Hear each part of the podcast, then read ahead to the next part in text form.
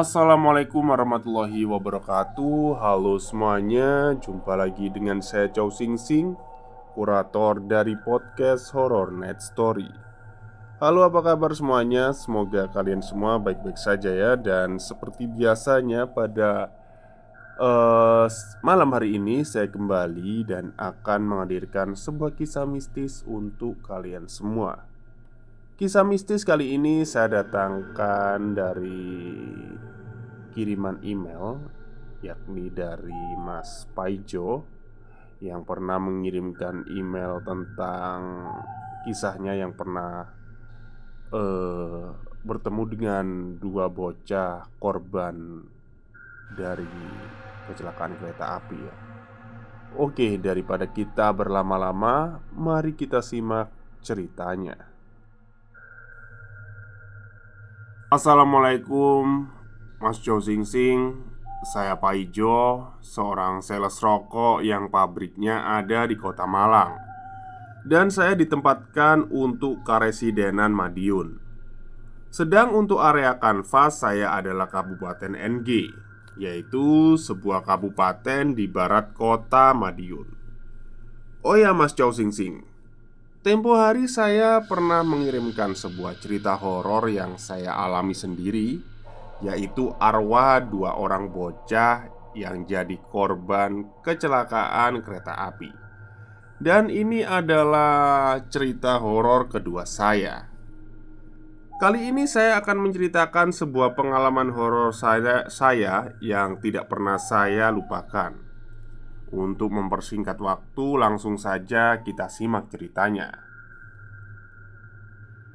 Jadi, semuanya 356 ribu bu.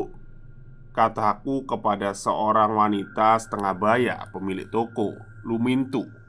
Ya, nama tokonya Lumintu. Tertera di sebuah papan nama di atas atap toko itu. Yang menandakan bahwa toko itu benar bernama Toko Lumintu. Saat itu saya tengah bertransaksi dengan ibu pemilik toko Lumintu itu Beberapa jenis rokok saya sodorkan dan serahkan kepada ibu pemilik toko Lumintu itu. Oh ya Bu Sastro. Kami sedang ada promo brand baru Bu. Ini ada rokok isi 16 batang. Kemasannya menarik, rasanya nikmat dan harganya pas di kantong. Kataku lagi mencoba merayu pelangganku. Belum lagi kalau ibu ngambil tiga slop Ibu dapat uang cashback sebesar 50 ribu. Tambahku mencoba meyakinkan pelangganku itu. Enggak dulu deh mas. Soalnya hari ini padat banget. Banyak sekali sales yang datang. Jawab pemilik toko itu lemas. Aduh, badanku lemas juga saat mendengar jawaban Ibu Sastro, pemilik toko Lumintu itu, yang artinya sudah kesekian kalinya aku gagal menawarkan brand baru. Semakin berat target untuk brand baru ini.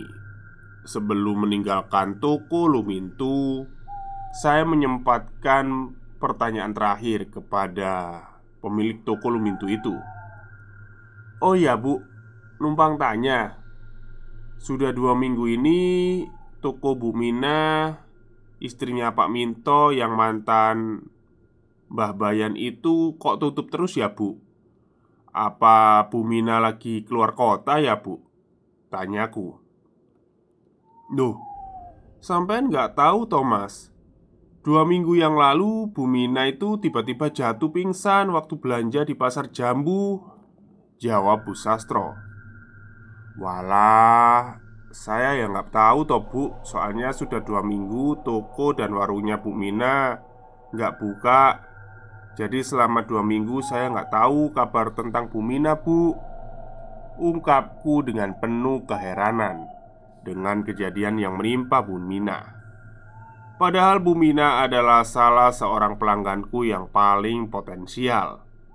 Sekali belanja rokok terkadang sampai 500 ribu Kadang lebih batinku dalam hati Untuk mengetahui siapakah Ibu Mina itu, para pendengar bisa mengikuti kisah saya dalam cerita dua anak korban kecelakaan di rel kereta api. Oke, kita kembali ke cerita. Pukul 12.45 perutku sudah keroncongan.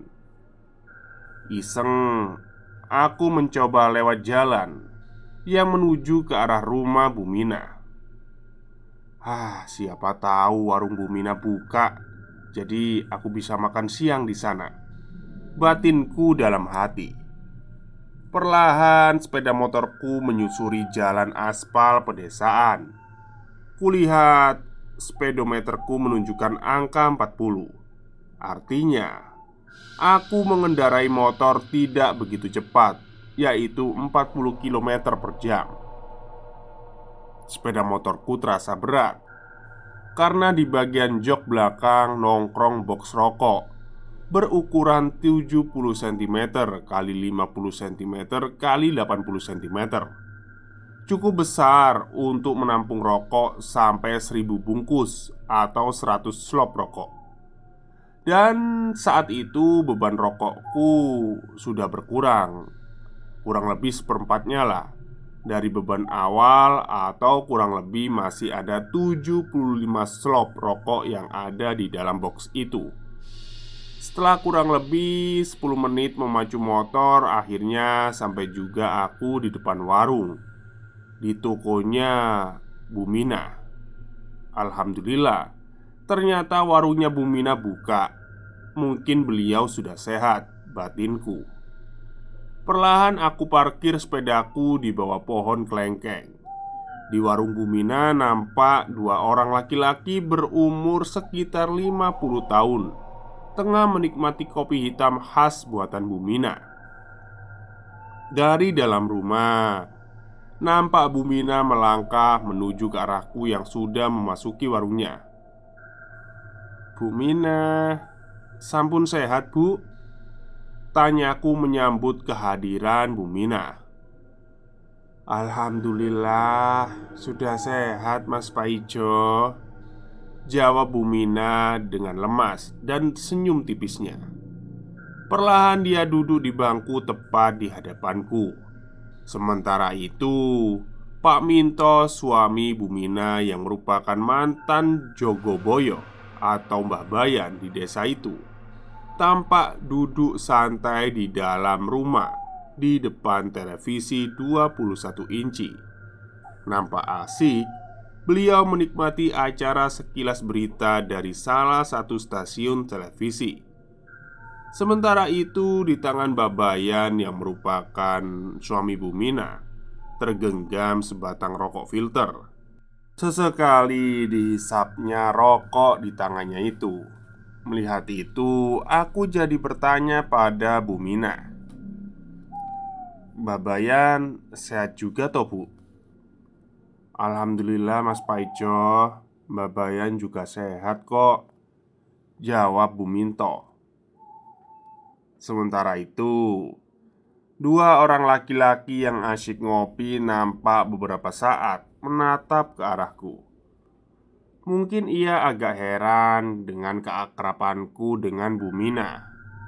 Namun sesaat kemudian mereka kembali berbincang-bincang sepertinya Topik yang mereka perbincangkan adalah tentang panen padi Yang sekarang ini harga padi cenderung turun drastis Akibat banyaknya sawah yang terserang hama tikus Yang hampir menyeluruh Hingga mengakibatkan para petani mengalami kerugian besar pada panen kali ini.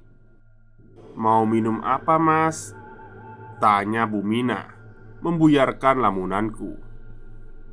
"Eh, iya, Bu. Saya minta es teh aja, Bu. Sekalian minta tolong buatkan mie rebus ditambah nasi dikit aja."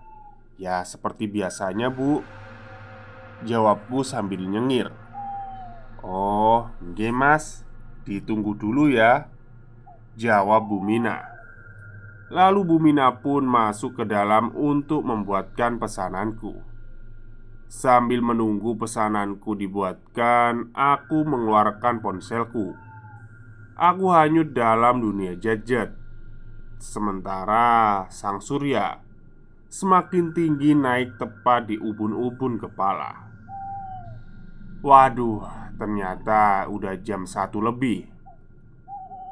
Aku belum sholat duhur.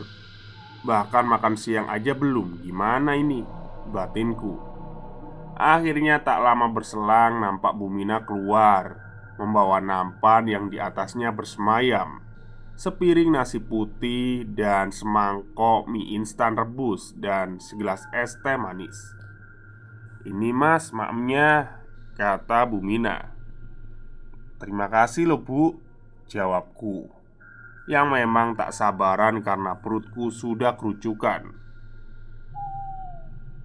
"Oh iya, katanya ibu habis sakit ya? Sakit apa, Bu?" tanyaku mengawali percakapan. "Anu, Mas, tensi saya tinggi 170. Pas di pasar saya jatuh pingsan." Jawab Bumina. "Walah, banyak-banyak istirahat bu. Mungkin capek jenengan Kataku. Iya mas. Memang udah usia Kata Bumina lagi. Ya udah Di emas Keburu dingin nanti Kata Bumina Nji bu. Akhirnya Aku makanlah Mie buatan Bumina itu. Baru beberapa sendok aku menikmati mie rebus Dan bahkan belum ada setengah piring Aku masukkan ke dalam perut.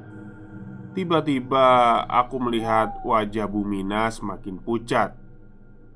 Sementara aku lihat dia duduk tepat satu meter di hadapanku dan tiba-tiba saja Bruk Tubuh Bumina terjatuh Dari bangku kayu tempat dia duduk saat itu Bumina terjatuh tepat di depan mataku. Sebenarnya aku melihat saat Bumina terjatuh, tapi sayangnya jarak antara aku dan Bumina sekitar satu meter. Jadi tidak mungkinlah aku bisa menangkap tubuh Bumina. Ditambah lagi saat itu tanganku sedang asyik menyantap mie rebus buatan Bumina. Bu, Bu Mina Teriakku panik. Akhirnya aku berdiri dari tempatku duduk dan menghampiri tubuh Bu Mina. Ayo pak, tolong Bantuin saya untuk angkat tubuhnya Bu Mina Kataku. Warung Bu Mina waktu itu penuh dengan orang Akhirnya, mau tidak mau, aku selesaikan urusanku dan aku memacu sepeda motorku untuk meninggalkan toko dan warung Bumina. Aku mengarahkan sepeda motorku ke arah masjid untuk melaksanakan sholat duhur. Setelah sholat duhur, aku istirahat sebentar di masjid itu dan bahkan aku sempat tertidur kurang lebih 45 menit. Tiba-tiba aku terbangun dari tidurku dan mendengar pengumuman dari toa masjid sebelah bahwa Bumina istri dari Mbah Minto telah meninggal dunia. Dak dikduk jantungku mendengar pengumuman itu. Bagaimana tidak? Bumina yang baru saja sembuh dari sakit dan baru saja ngobrol-ngobrol denganku telah meninggal dunia saat itu juga. Perlahan aku bangkit berdiri. Sambil masih bengong dan ngelamun Perlahan aku menghampiri sepeda motorku. Ah, lengkap sudah penderitaanku hari ini. Semoga Bumina Husnul Khotimah Tambahku lagi. Singkat cerita, pemakaman Bumina dilaksanakan hari itu juga Dan aku dengan segala ceritaku kembali ke kantor Dua hari berlalu, hari Kamis malam Jumat Legi dalam tradisi masyarakat Jawa. Kalau Jumat Legi itu adalah saat orang-orang nyekar atau ziarah ke kubur Menaburkan bunga dan berdoa untuk meringankan beban si mayit atau ahli kubur.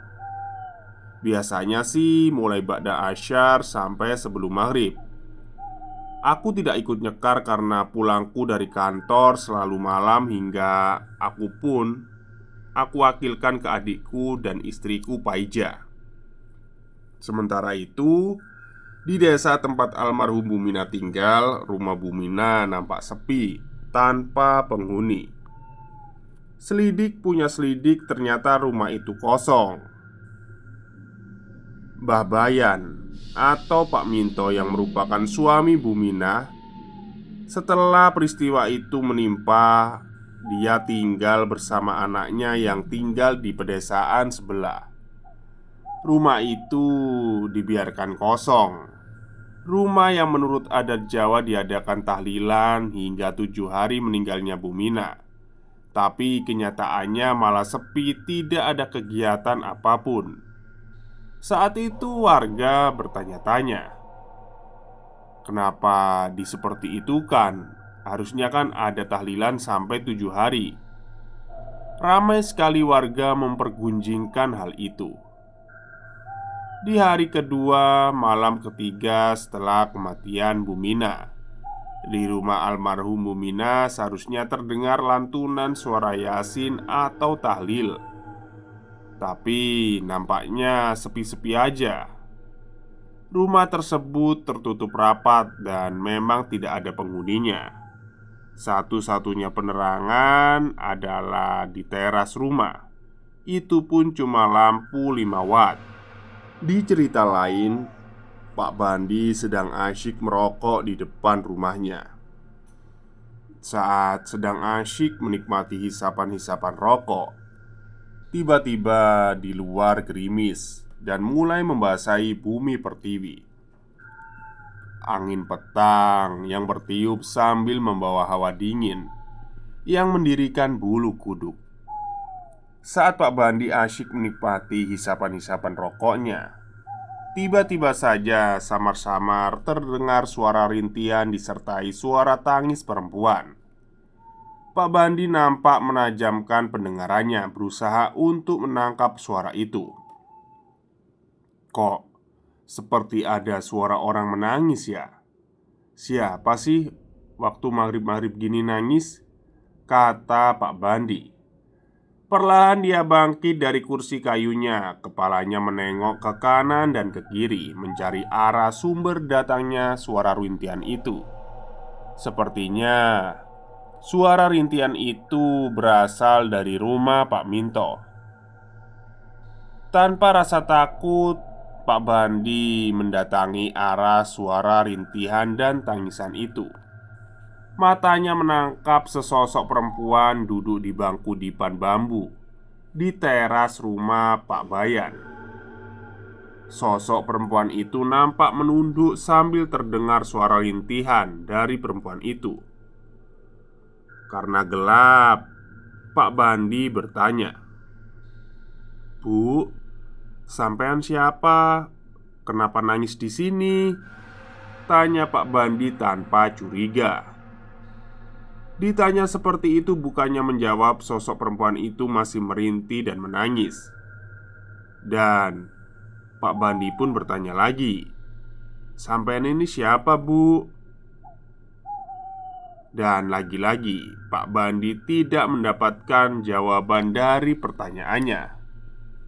Merasa diacuhkan dan karena suasana semakin gelap, akhirnya Pak Bandi memutarkan badan hendak meninggalkan sosok perempuan itu. Tapi tiba-tiba terdengar suara liri dan suara tersebut seperti datang dari dalam sebuah sumur Liri dan menggema Pak Bandi, ini saya pak Tolong pak, saya sendirian Saya kesepian Pak Bandi dengan refleks segera memutar badan Dan menghadap sosok perempuan itu di hadapannya kini terdapat sosok Bumina dengan raut wajah pucat. Kedua bola matanya putih semua menatap kosong ke arah Pak Bandi. Di sela-sela bibir dan lubang hidungnya nampak mengalir cairan berwarna merah. Darah. Ya, cairan itu adalah darah. Bu, bu?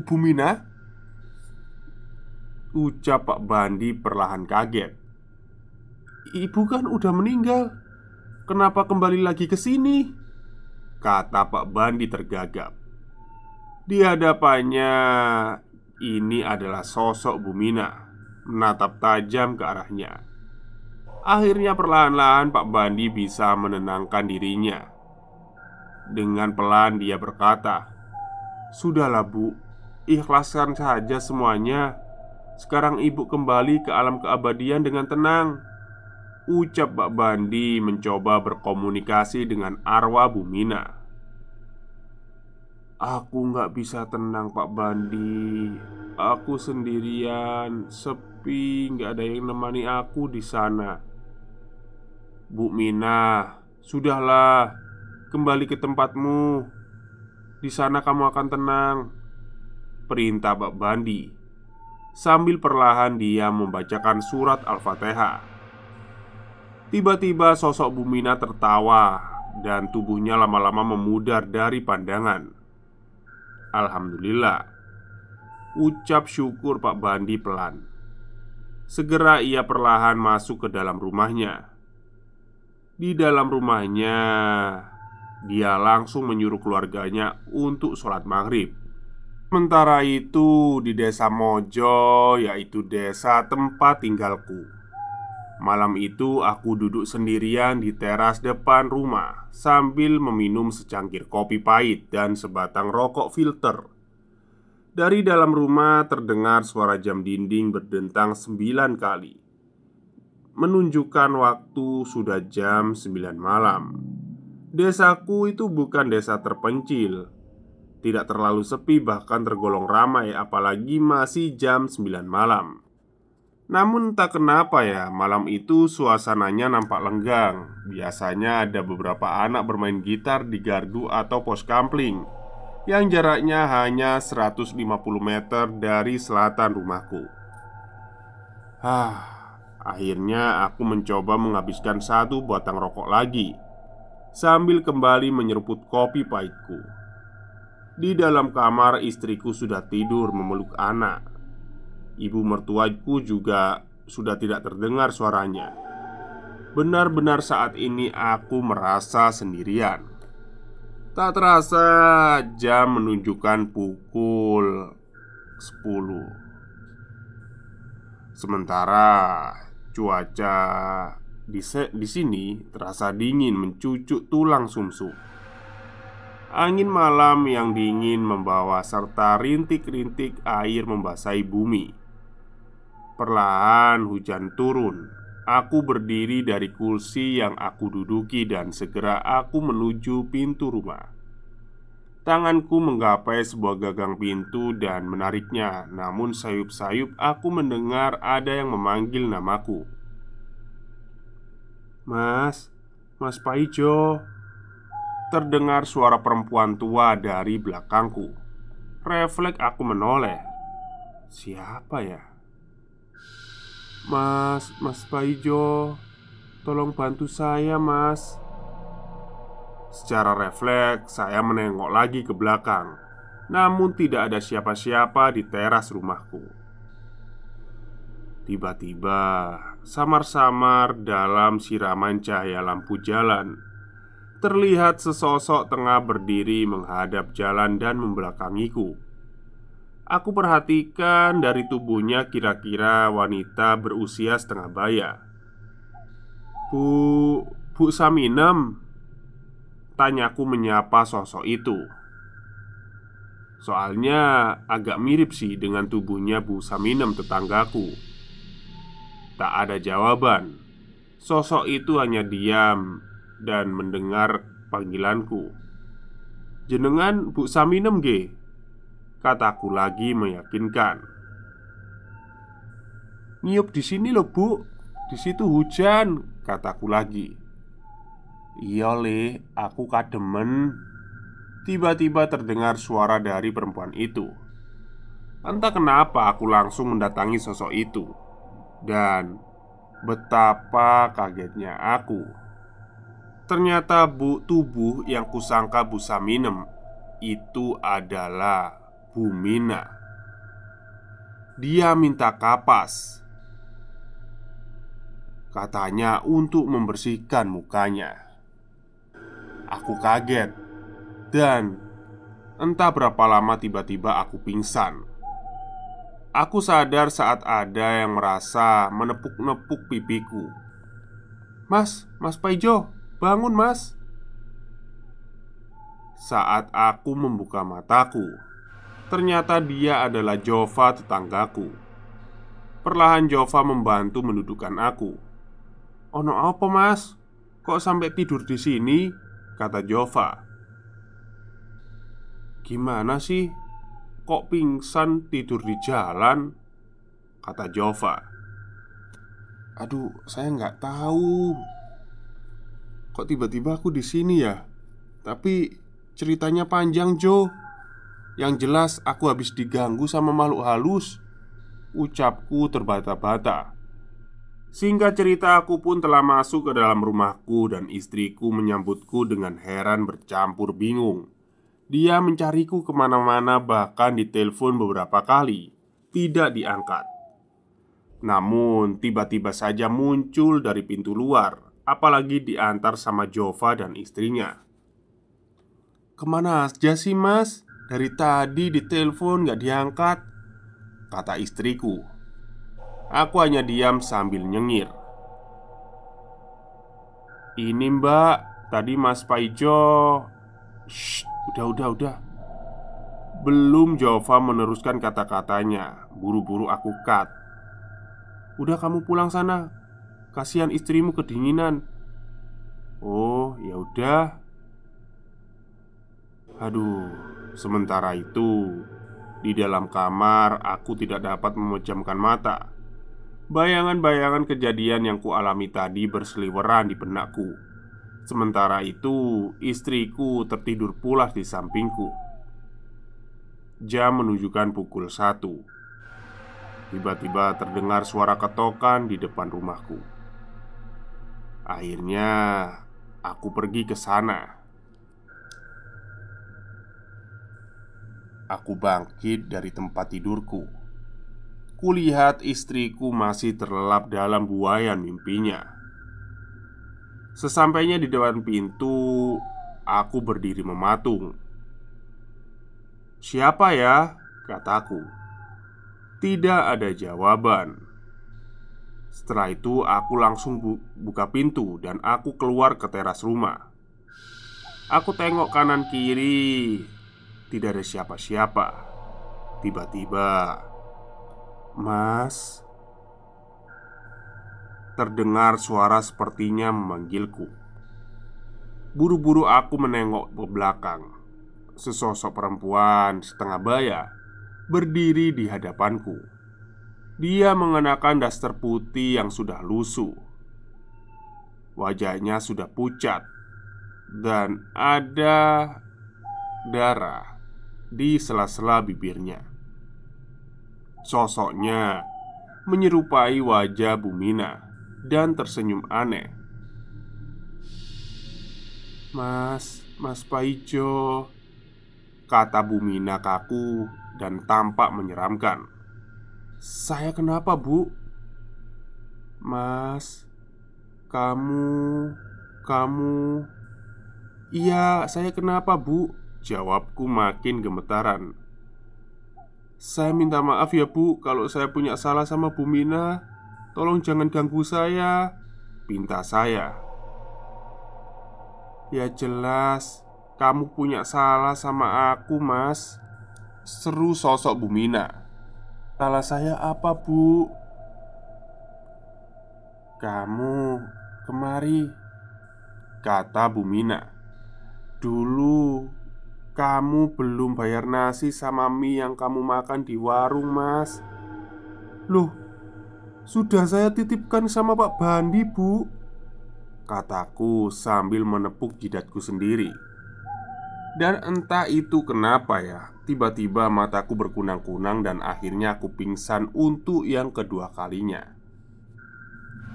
Akhirnya aku pun menceritakan itu ke istriku Singkat cerita, aku tidak mau terlalu lama berdebat dengan istriku. Setelah kami masuk ke dalam rumah, aku segera menyuruh istriku untuk duduk dan mendengarkan ceritaku. Mbah Minto bercerita kalau dia sering didatangi oleh almarhum Bumina lewat mimpinya dan diajak pergi menemani Bumina. Dan akhirnya tepat setelah 40 hari kematian Bumina bersamaan itu pula Mbah Minto atau Mbah Bayan akhirnya mengembuskan nafas terakhirnya. Innalillahi wa innalillahi rojiun Akhirnya Bumina tidak kesepian lagi karena mendapatkan teman dan tamat. Oke, itulah cerita panjang dari uh, email, kiriman email ya. Memang sebenarnya beberapa adegan saya cut ya karena uh, agak saya ini sih edit-edit dikit lah ya. Jadi biar nggak agak bingung saya bacanya juga gitu. Penulis uh, ceritanya bagus gitu ya. Mungkin penulisannya aja yang kurang rapi gitu ya mas ya Baik mungkin itu saja cerita saya untuk malam hari ini. Kurang lebihnya saya mohon maaf. Wassalamualaikum warahmatullahi wabarakatuh